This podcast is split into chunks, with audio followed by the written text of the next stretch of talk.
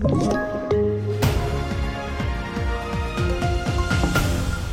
TV4-nyheterna börjar i Göteborg för nyss kom uppgifter om att en man hittats skjuten i en bil där. Polisen skriver på sin hemsida att de fick larm om att det satt en skadad man i en bil och när de kom dit var mannen inte vid medvetande.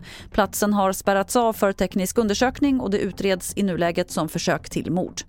För en stund sen la regeringen fram den budget som man vill styra med under det kommande året. Finansminister Elisabeth Svantesson. Den här budgeten läggs ju i en väldigt speciell tid kommer jag snart komma in på mer, men med hög inflation, när vi bedöms gå in i en lågkonjunktur, så är läget svårt. Och omvärlden är oroande, osäkerheten är stor. Därför är jag väldigt glad över att våra fyra partier har förhandlat fram en budget som kan göra skillnad. Vi tar steg och gör precis det vi sa.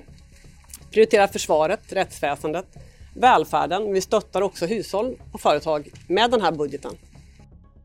Och mer om budgeten finns på tv4.se.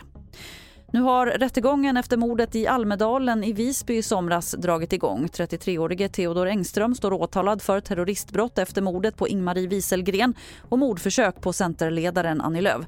Rättegången ska pågå i fem dagar och inleds med sakframställan från åklagaren bland annat. Fler nyheter finns på tv4.se. Jag heter Lotta Wall.